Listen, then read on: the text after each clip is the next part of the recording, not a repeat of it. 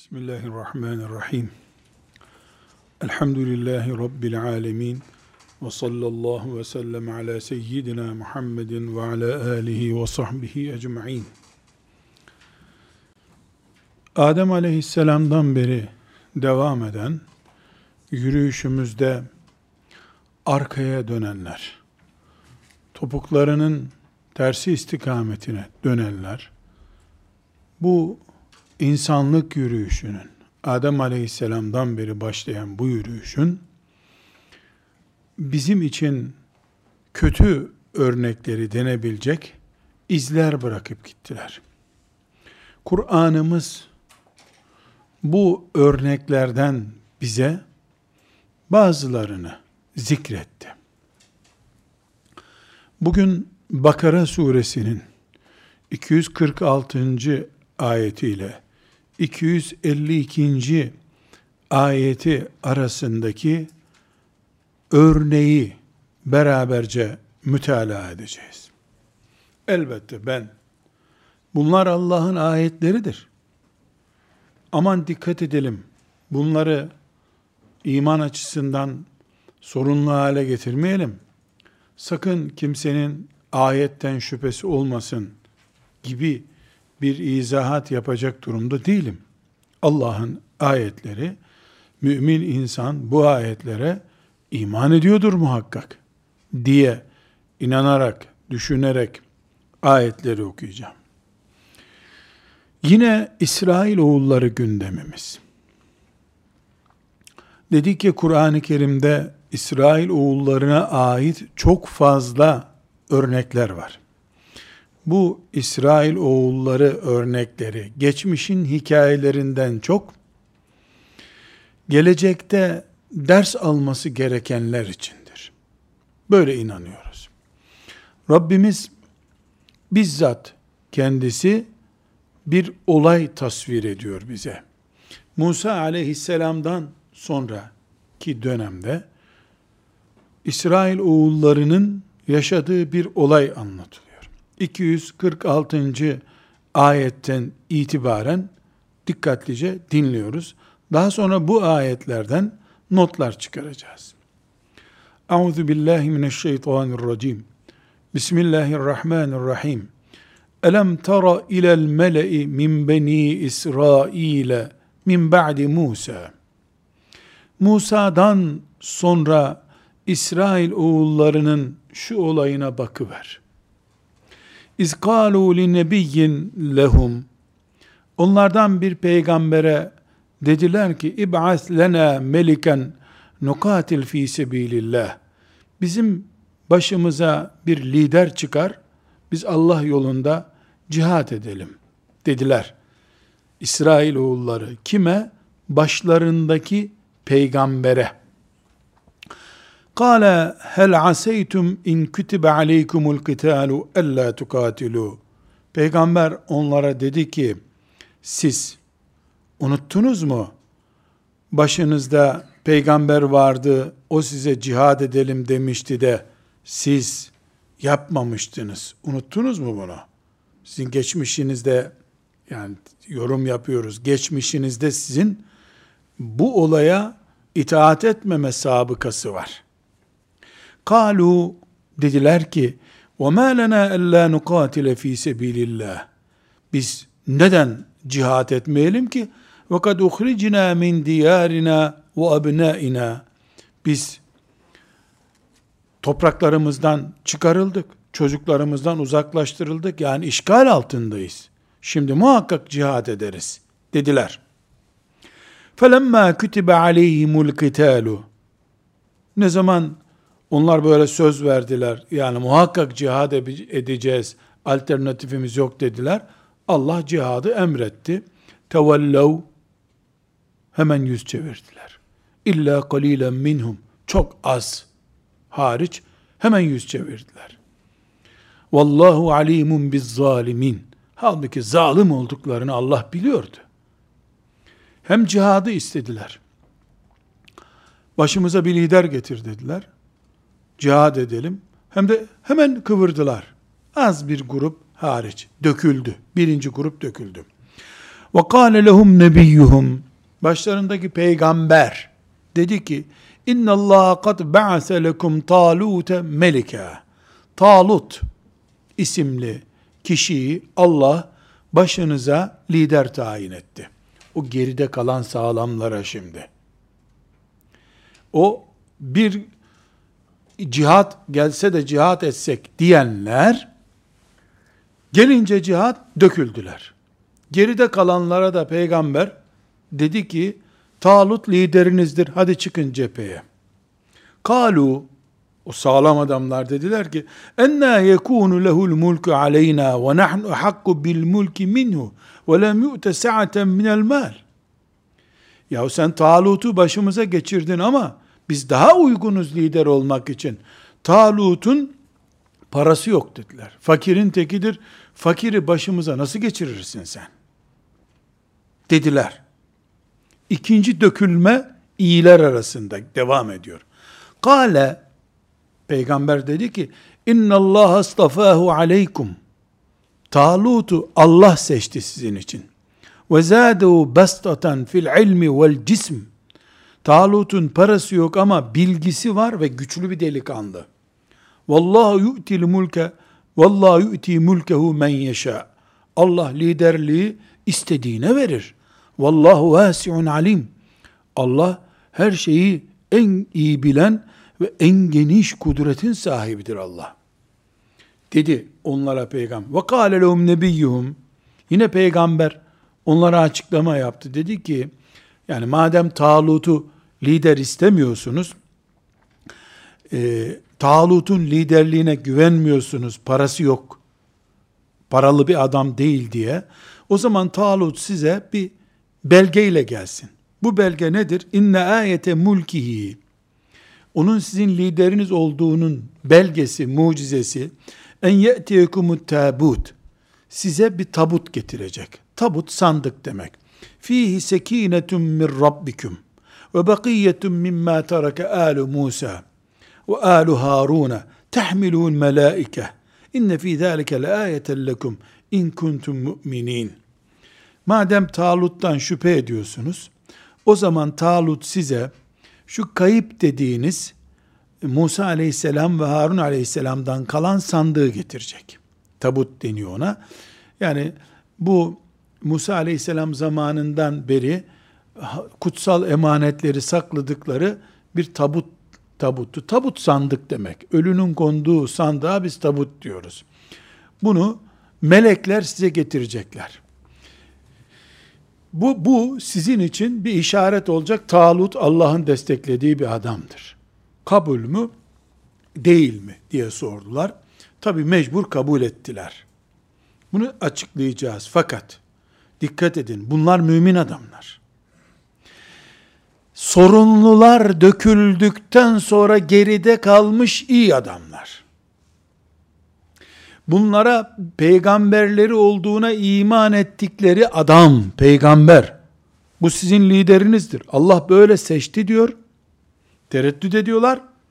Peygamber gibi bir makamı, Allah'tan gelen vahyi yeterli görmüyorlar da, içinde Tevrat parçaları, belki de Musa aleyhisselamın asası filan hatıraların bulunduğu bir sandığın gelmesini cihat hareketlenmesi için gerekçe kabul ediyorlar. Bu aslında işe yaramayacaklarının işareti. Neden? Çünkü Musa aleyhisselamın kalıntıları da olsa, hatıratı da olsa, Harun aleyhisselamın terliği filan da olsa onun içinde, peygamberin kendisinden ve vahiyden daha kutsallığı yok ki. Bu sakalı sinek kaydı tıraşlı olduğu halde Ramazan günü filan camide peygamberin sakalı diye sakal öpme sırasına gelen Müslümana benziyor. Fiziki hatıraları vahiden daha güçlü tutma mantığını gösteriyor. Bunlar hep boynu geride olan insanlar hastalığı. Nitekim cihada gitmiyorlardı. Kötüleri dökülmüş, kaliteli adamlar oldukları halde. Cihada gitmiyorlardı. Melekler Musa aleyhisselamın hatıratının bulunduğu sandığı getirince tamam biz gideriz cihada dediler. Ama bu bir sorun aslında. Allah'ın vahyinden ve peygamber olduğuna inandıkları hani peygamberliğine itiraz etseler neyse diyeceğiz ki zaten peygamber kabul etmiyorlar bunu. Peygamber olduğunu kabul ettikleri birisinin Allah size seçti. İnnallah astafa lekum. Allah size bunu seçti dediği bir sözden daha değerli bir sandık geldi de sandıkta Musa Aleyhisselam'ın hatıratı var dediler. O zaman hareketlendiler. Çürümenin derin damarlara kadar yansıdığını gösteriyor.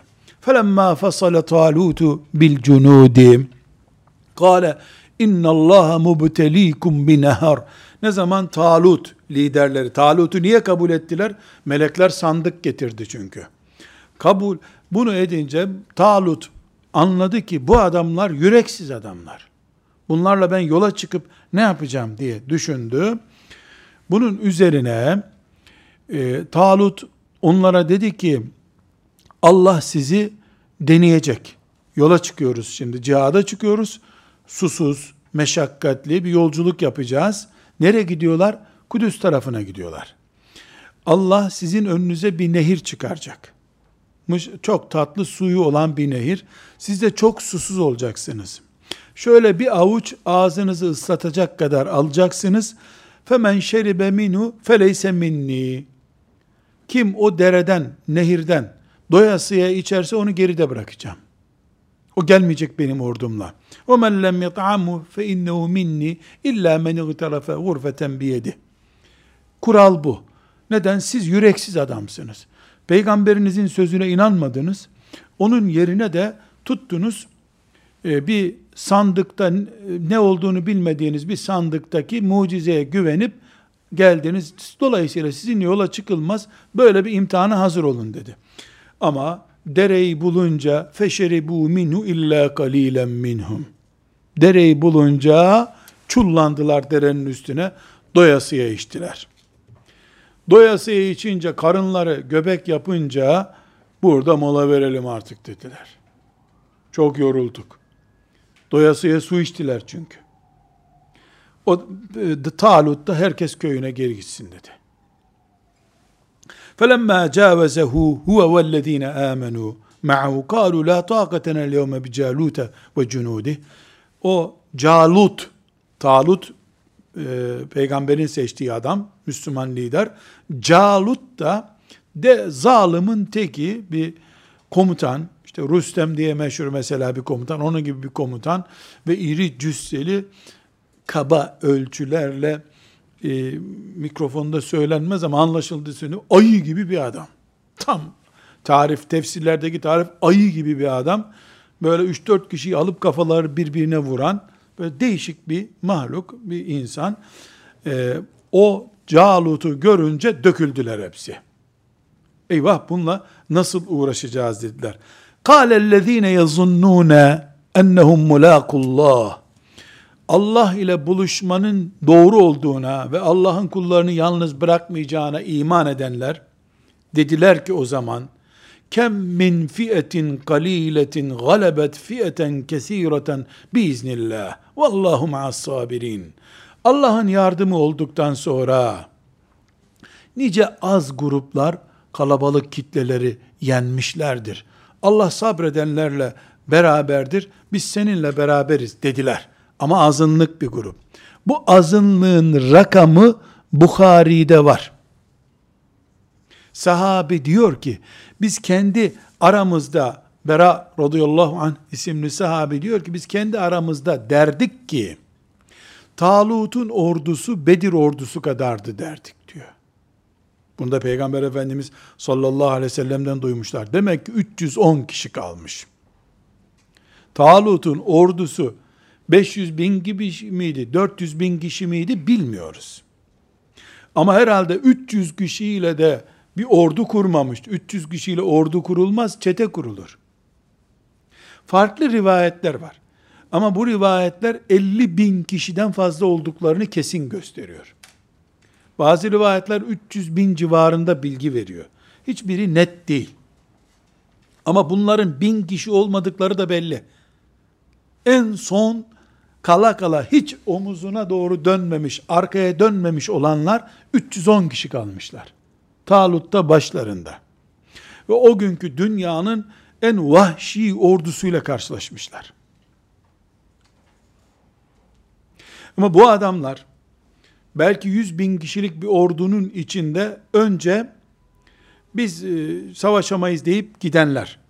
Sonra e, ordu kurulunca cihat emri gelince kaçıp gidenler, nehirde dökülenler, orduyu görünce kaçanlar 310 kişi kaldılar sonunda. Bu 310 kişi Allah'ın ordusu olarak Calut'un önüne çıktı. وَلَمَّا بَرَزُوا لِجَالُوتَ وَجُنُودِهِ Bu 310 kişi Calut'un bir sel gibi gelen ordusunu karşılarında görünce قَالُوا Rabbena efrig aleyna sabran ve sebbit akdamena ve ansurna alel kavmil kafirin. O zaman dediler ki ey Rabbimiz bize sabır boşalt. Sabır boşalt bize. Ayaklarımızı sağlamlaştır. Kafirlere karşı bize yardım et dediler. O zaman dua vakti geldiğini anladılar. Fehezemuhum biiznillah. Allah da yardım etti Calut'un ordusunu yendiler. Ve katele Davudu Calut'e. O zaman Davud aleyhisselam genç bir delikanlıydı. Talut'la Davud'u karıştırmayalım. Talut siyasi bir lider. Davud sonra Süleyman Aleyhisselam'ın babası olan peygamber Davud. Ama henüz ona peygamberlik gelmemiş bir delikanlıydı. Calut'a yanaşılmıyor. Çünkü Calut dedi ki ayı gibi bir adam. Ayı ya da yani hakaret aslında ama ne diyeyim Türkçe'de böyle anlatılıyor. Kaba saba böyle vahşi adam tipi diye anlatılıyor. Bu Calut'a yanaşamıyorlar. Allah lütfetti. Delikanlı Davud e, Calut'u öldürdü. Kur'an'ımızdan öğreniyoruz. Ve böylece o 314 10 kişinin içerisinden Davut aleyhisselam sıyrıldı. Orta, yani çok farklı bir yetenek oldu ortaya çıktı. Ve atahullahul mulke vel hikmete ve allemehu mimma yeşâ. Allah da Davud'a hem liderlik verdi, hem hikmet öğretti ve dilediğini de ona öğretti sonra. Davud Aleyhisselam'ın hayatını okuduğumuzda o farklı boyutuyla Davud Aleyhisselam'ı görürüz. Burada bu olay bitti. وَلَوْ لَا دَفْعُ اللّٰهِ النَّاسَ بَعْضُهُمْ بِبَعْضٍ Şimdi allah Teala neden bu sürecin böyle işlediğini, o Calut'un niye güçlendiğini, bu adamların niye döküldüğünü, niye karşılaşmaları gerektiğini bu iki ordunun 252. ayette bize izah ediyor. وَلَوْ لَا دَفْعُ اللّٰهِ النَّاسَ بَعْضُهُمْ بِبَعْضٍ Buraya dikkat ediyoruz şimdi. Eğer Allah insanların birbirleriyle böyle sürtüşmelerini bir kanun olarak koymasaydı, yani Calut'a sen güçlen diye kudret vermeseydi Allah, oradan da Talut'a sen de cihat ordusu kur bakalım deyip, ele bunları ele ele 310, 315 kişi bul, haydi 300 kişiyle bu büyük sel gibi ordunun kim bilir 150 bin kişi midir nedir? Yani 5 bin kişi 10 bin kişilik bir ordu değil sel gibi bir ordu ama Davut aleyhisselam becerip Calut'u öldürünce hepsinin maneviyatı kırıldı. Biz bununla uğraşamayız deyip kaçtı gittiler. Kaçarken de o 300 kişi onları hayvan sürüsü gibi kovaladı. Aslında makul değil. Yani o kalabalığa 300 kişinin dayanması mümkün değil. Yani bir Müslümana orada 10 bin kişi düşüyor belki de. Ne olduğu belli değil ordunun. Bir çil sürüsü gibi gelmişler bu şekilde. وَلَوْ لَا دَفْعُ اللّٰهِ النَّاسَ بَعْضَهُمْ بِبَعْضِ Allah böyle birbirine sürtündürme kanununu kurmasaydı lefesedetil ard yeryüzünde hayat olmazdı. Bak biz ne diyoruz? Savaş var. Müslümanı cihada götürüyorsun. Dolayısıyla kırım oluyor, dökülme oluyor, Müslüman nüfus zayiat oluyor. Allah ne buyuruyor? Ve levla defullahin nas. Bu kanunu Allah koymasaydı lefesedetil ard hayat olmazdı. Dünya bozguna uğrardı buyuruyor. Velakinne Allah zu fadlin alel alemin. Allah bütün alemler üstüne rahmetini indiriyor. Tilke ayatullah. Bunlar Allah'ın ayetleridir. Netluha aleyke bil hak. Hiçbir tereddüt olmadan bunları sana biz okuyoruz. Şüphe yok. Ve inneke leminel murselin. Sen de peygamberlerden bir peygambersin. Ve inneke leminel murselin. Yukarıdaki olaylar senin ümmetine de okunması lazım. Diyor ayet.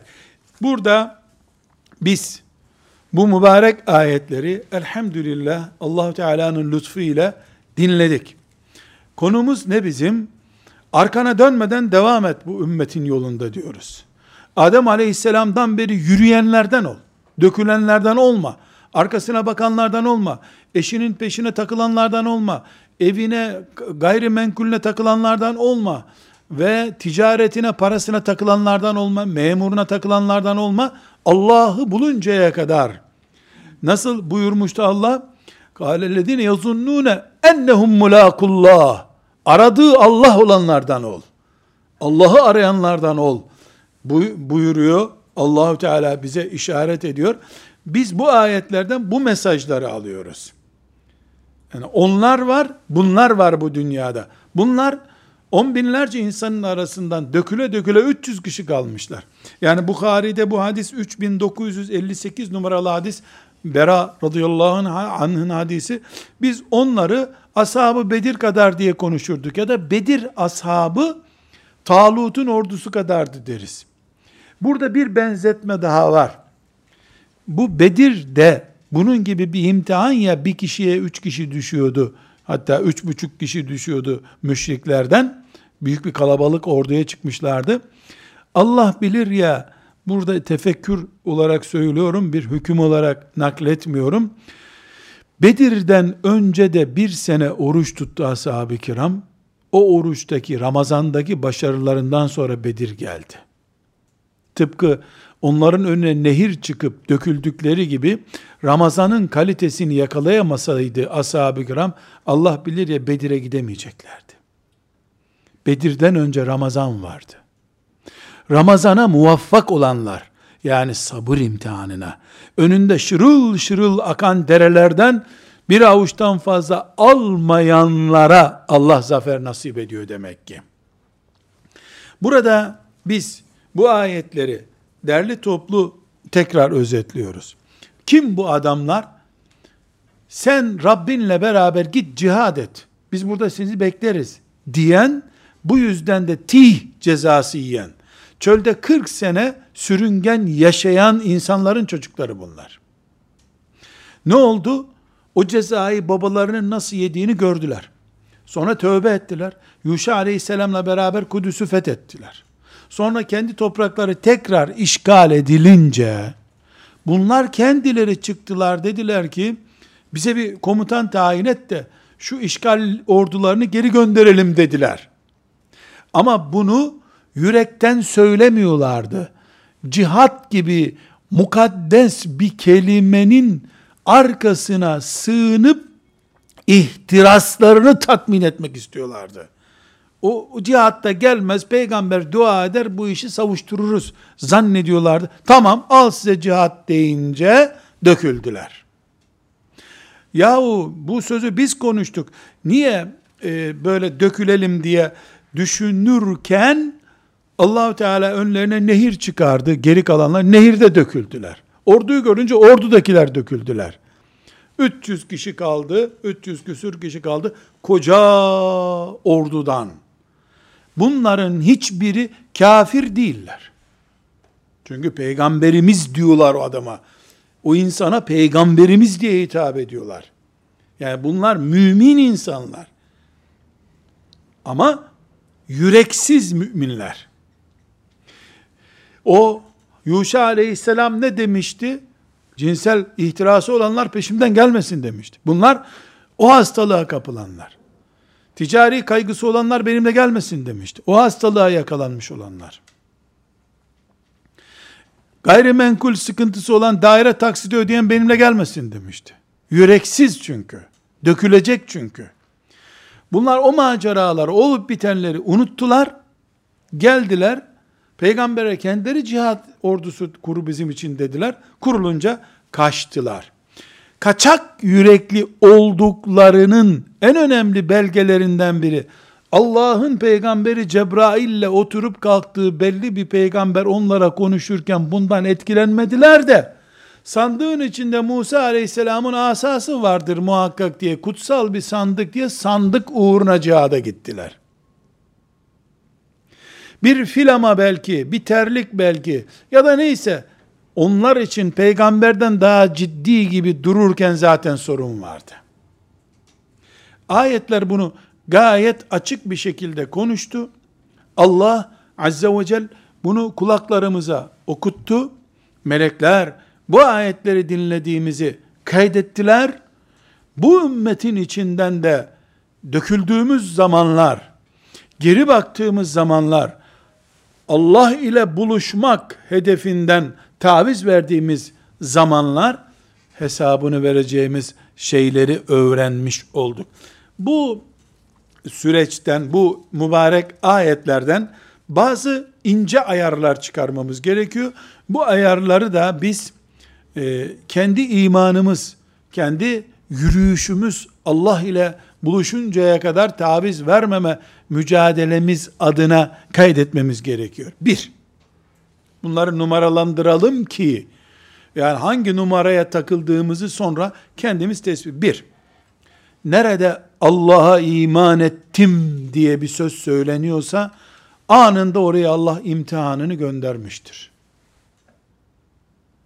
Dünyada yedi kişi varken, sekiz kişi varken Adem aleyhisselam, anamız Havva, üç tane, dört tane, beş tane, altı tane neyse çocukları varken amentü billah dediler, tak iman geldi.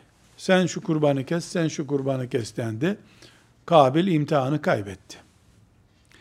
İman var, imtihan yok zanneden yanılmıştır ya da imanı yoktur var zannediyordur. Çünkü Rabbimiz çok açık bir şekilde Kur'an-ı Kerim'de istisnası olmadan herkesin imtihanını yapacağını söylüyor. Bu imtihanın çeşitlerine aldanmamak lazım. Çocukla olur, malla olur, düşmanla olur, kafirlerle olur, münafıklarla olur, nefisle olur, şeytanla olur, kendi akılsızlığınla olur. Ama her türlü olacak. Her türlü olacak. Birinci kanunu koyuyoruz. Allah'a iman ettim diyen kapısını açacak.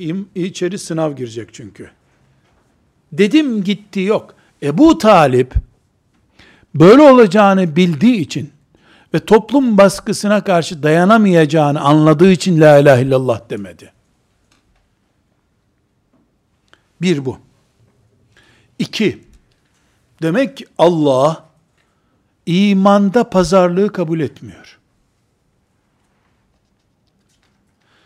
İman pazarlıksızlıktır. Tek konuşan Allah olur. Kul iman ettim der.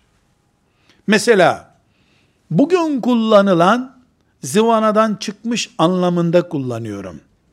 Maturidilik uygun İslam'dır sözü Allah'a şart koşmaktır. Kur'an'dan, sünnetten başka kimin şartına göre, kimin pazarlığına göre iman edeceğiz biz? Hem bu İmam Maturidi gibi mücahit bir alime bühtan asırlar sonra bir su edep hem de böyle bir şeyin olması diyelim ki diyelim ki onun sanki varmış gibi farklı bir iştihadı sanki öyle bir şey varmış gibi şimdi ortaya onu çıkaranlar geri dönmek istiyorlar. Geri dönmek istiyorlar. Anadolu İslamı diye bir şey olamaz.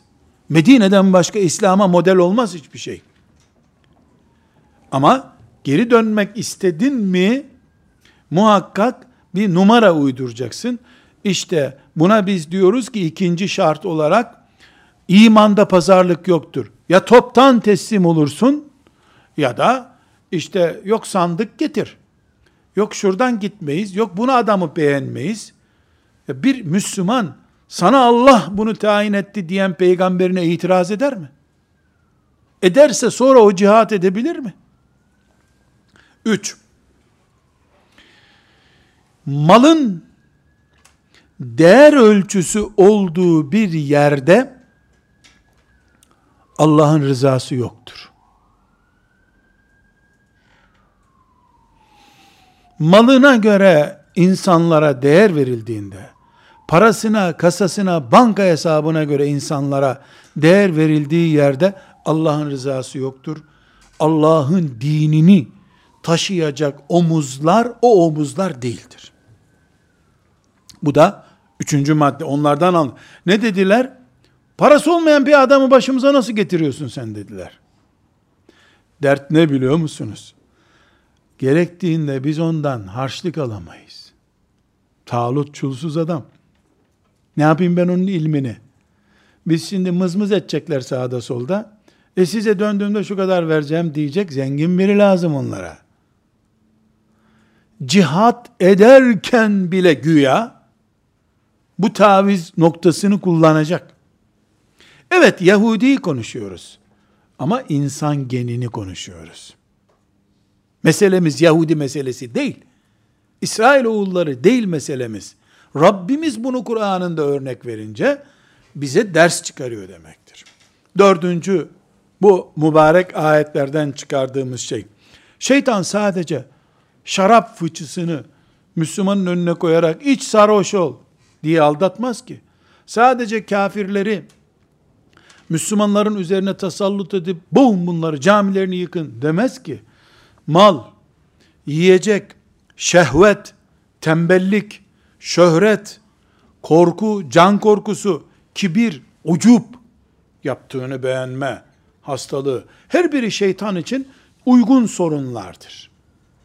Bu da dört. Çünkü bunlar, bu adamlar, bu hastalıkların hepsini gösterdiler. Hem ötlek adamdılar, hem kibirliydiler.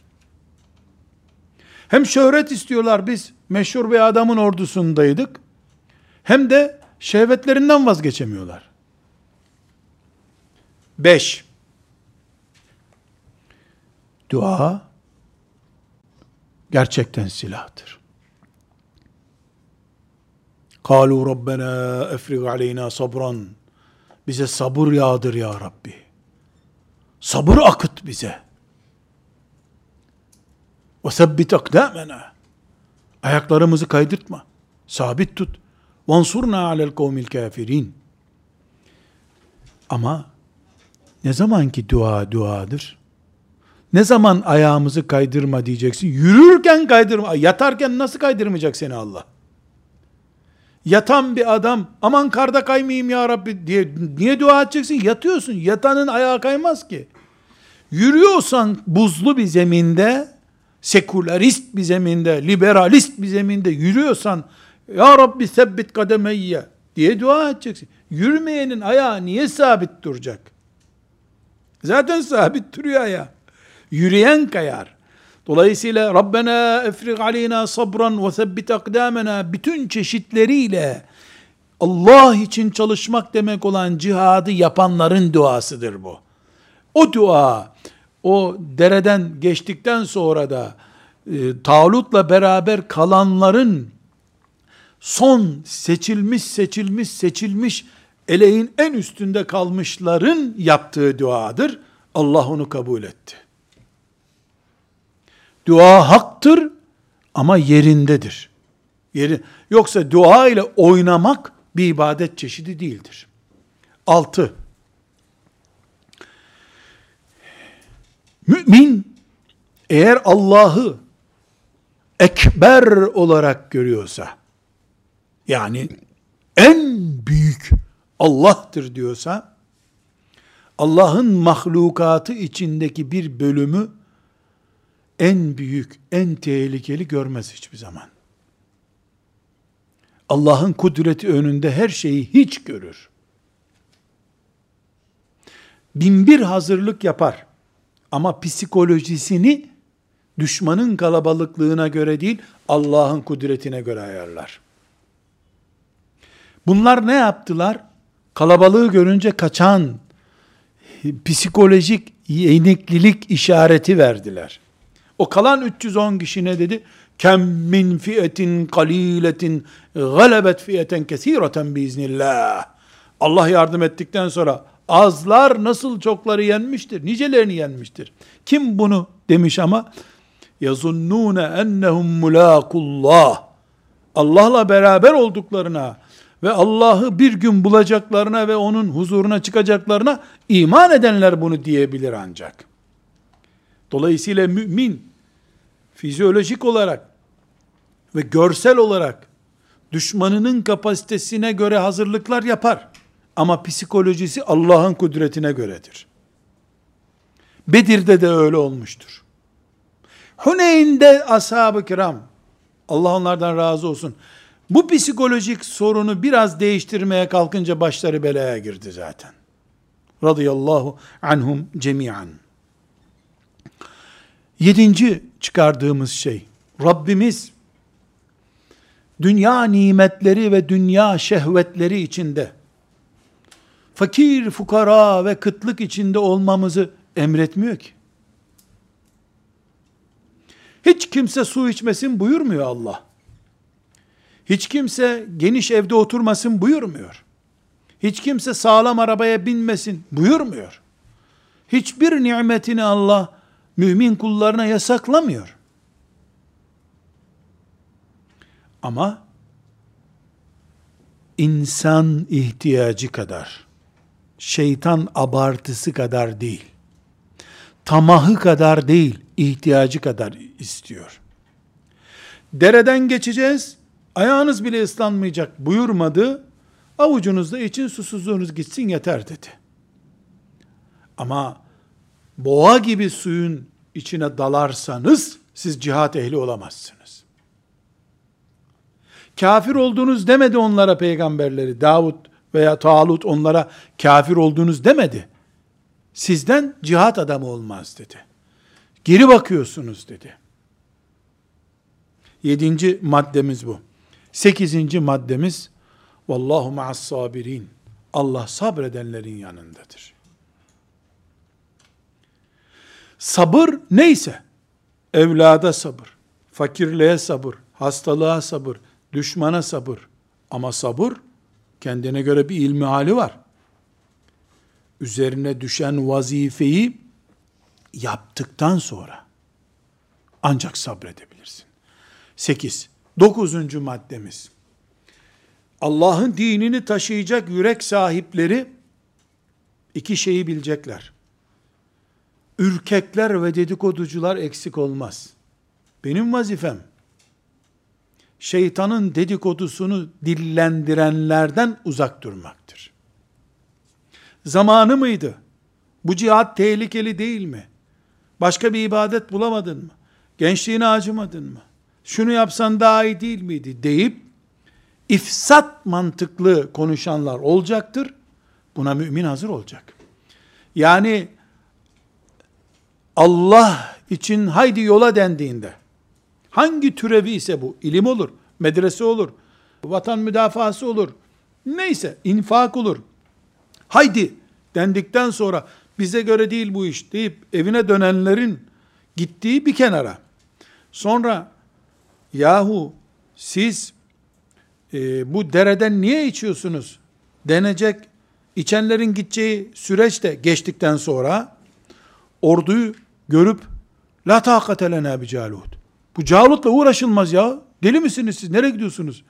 Diyenlere de kulağını tıkatabildiğin zaman Allah seninledir. Hem Allah'ın peygamberini dinle, hem de ürkeklerin mesajlarını, Twitter'larını oku. Yok böyle bir İslamiyet. Ya Allah'la baş başa kalırsın, şeytanın hiçbir vesvesesine itaat etmezsin, liderinle beraber yola devam edersin, ya da seni çevirirler. Yoldan çevirirler. Ve onuncu kanunumuz, Allahu Teala bu olayı anlattıktan sonra, e işte İsrailoğulları böyle bir milletti, iyi ki siz geldiniz, sizin böyle bir sorununuz yok buyurmadı. Ayetler bitmeden ne buyurdu? وَلَوْلَا دَفْعُ اللّٰهِ النَّاسَ Ba'dahum bi ba'din. Allah insanları birbirine vurdurtmasaydı böyle, yeryüzünde hayat olmazdı. Ne demek?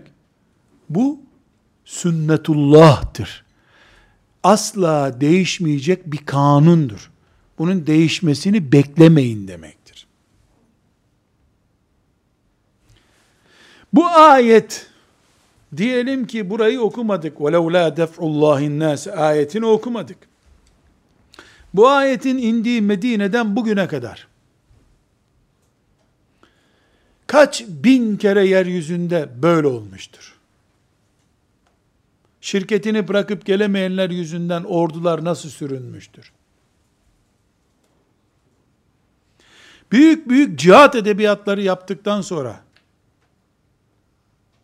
çocuklarını İmam Hatip Lisesi'ne bile göndermekten imtina edecek yüreksizlikler nasıl çıkarmıştır Müslümanlar? Yani bu ayetin bu ümmete de devam edecek bir kural olduğunu herhangi bir şekilde araştırmaya gerek yok. Bu 251. ayete de gerek yok sanki bunu anlamak için. Yani ayete gerek yok derken bunu bakıp istidlal etmemize gerek yok. Tarih bu acı örneklerle dolu. Çok konuşup bırakıp gidenlerle dolu. Lafı yüreğinden daha büyük olanlarla dolu. Her yerde dolu. Bu ümmetin İstanbul'u hilafet merkezi işgal edildiğinde kaçıp gidenler o kaçıp gidenlerdi işte. Onlar da daha önce edebiyat yapıyorlardı. Çanakkale'ye gitmemek için sahte raporlar uyduranlar da onlardandır. Geri dönenler. Bir, ileri gitmek için yaratılmışlar var. Onlar on binlercenin içinden 300 kişi çıkıyor sadece. Çünkü çekirdek her zaman az olur. Ürün fazla olur.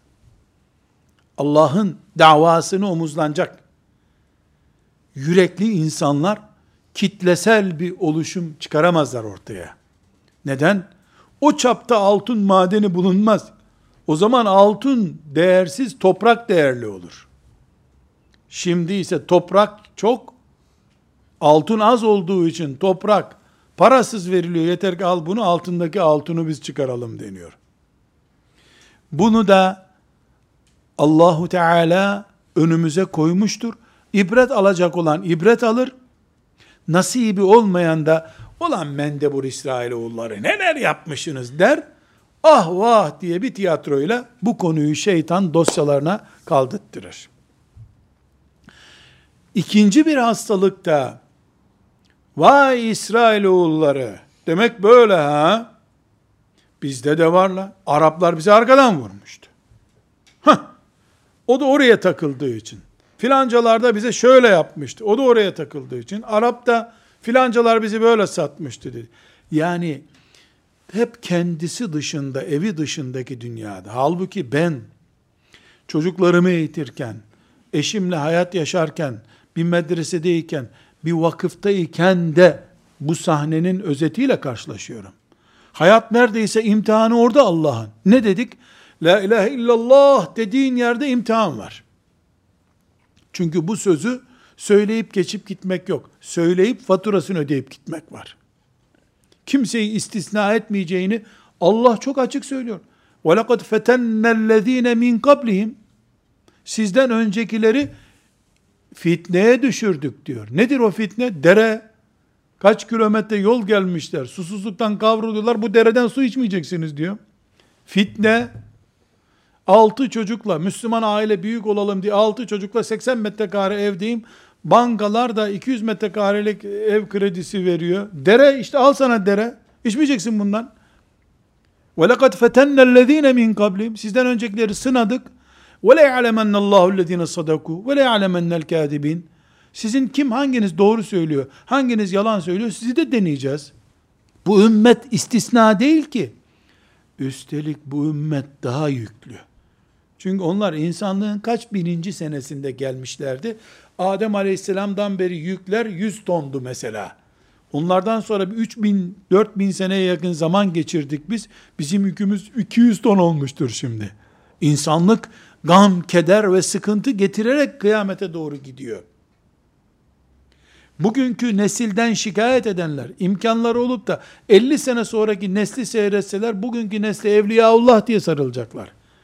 Kıyamete doğru böyle gideceğiz. Çünkü 50 sene sonraki gençlerin, neslin getirdiği fitne fesadı bugünkünden fazla olacak. Bugünkünün dünkünden fazla sorun yumağı oluşturduğu gibi. Ve 11. maddemiz. Beni İsrail, Yahudiler sadece insan soyu açısından bir örnektir. Bu ayetlerde bahsedilirken. Yani şeytan bir mahluktur, değişiği yoktur. Şeytanlık ise bir eylemin adıdır. İsrail oğulları bir bunlardı bu mendeburlar lanet oldu gittiler zaten kurudu kökleri deyip bir şey değil. Bu insani bir yapıyı anlatıyor. Yolda bırakmak, peygamberle pazarlık etmek, Kur'an'dan daha kıymetli Kur'an çantası oluşturmak. Kur'an felsefesi yapmayı Kur'an okuyup zikir niyetiyle okumaktan daha değerli hale getirmek. Bu bir hastalık çeşididir. Bu Adem Aleyhisselam'dan beri var. Nuh Aleyhisselam'da da vardı. Yani onun dönemine de döneminde de vardı. Her halükarda 11. maddemiz bunları asla ve kat'a bir hikayeydi de Allah anlatıyordu diye anlayamayız.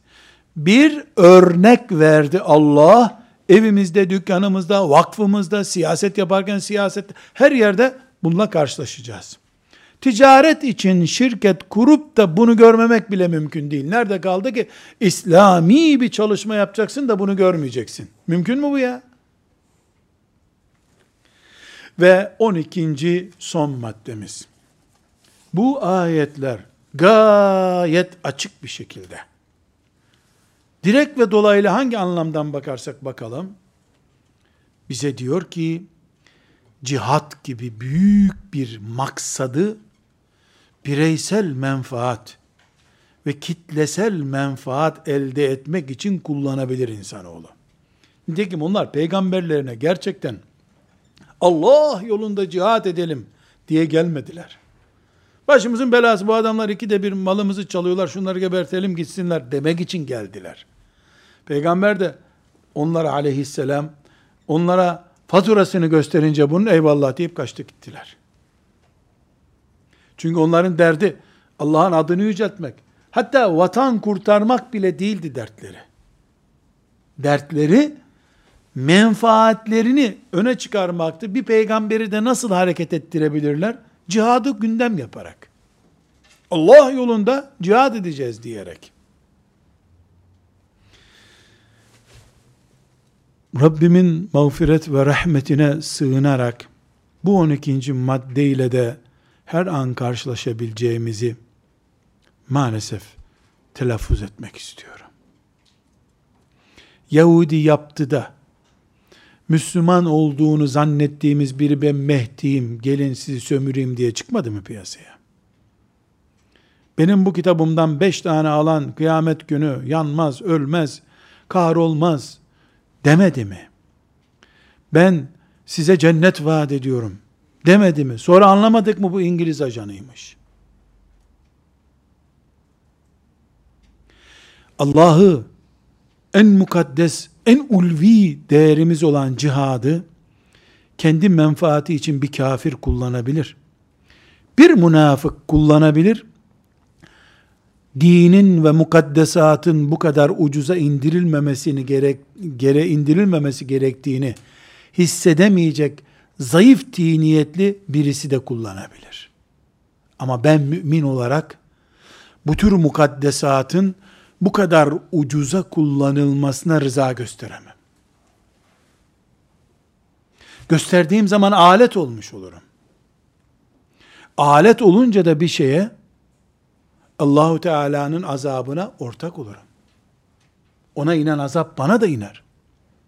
Maazallah. Bu 12 maddede şu bize cihat ordusu kur, bak ne yapıyoruz diyen adamların akıbetinin bize nasıl yansıması gerektiğini konuştuk. İbret alırsak Allah'ın rahmeti bizimledir. İbret alamazsak Kur'an'da duruyordu bu ayetler zaten. Gene Kur'an'da duracak. Biz de bu belalarla her gün bir kere daha karşılaşacağız. Bir teşkilatın lideri misin? Bir vakfın başkanı mısın? Bir oluşumun başında mısın? Bir siyasi kuruluşun başında mısın? Yani dökülecek bir mahlukla beraber olduğunu unutmayacaksın. Ya ilk parolalar oluşturulurken dökülecek bir kısmı, annem izin vermiyor, babam izin vermiyor diyecek. Yahut da bir zor gördüğünde bırakıp gidecek. Yahut da en son bu işin tam zirvesindeyken bırakıp gidecek. Ama yazunnune ennehum mulakullah. Bir gün Allah'ın önüne çıkacaklarından hiç şüphesi olmayanlar onlar öyle değil. Rabbim sabır yağdırsın biz devam edelim diyecekler. İşte dimdik Allah'ı buluncaya kadar devam etmekle eğrilip büğrülüp geri bakmak arasındaki farkı konuştuk. Ve sallallahu ve sellem ala seyyidina Muhammed ve ala alihi ve sahbihi ecma'in velhamdülillahi rabbil alemin.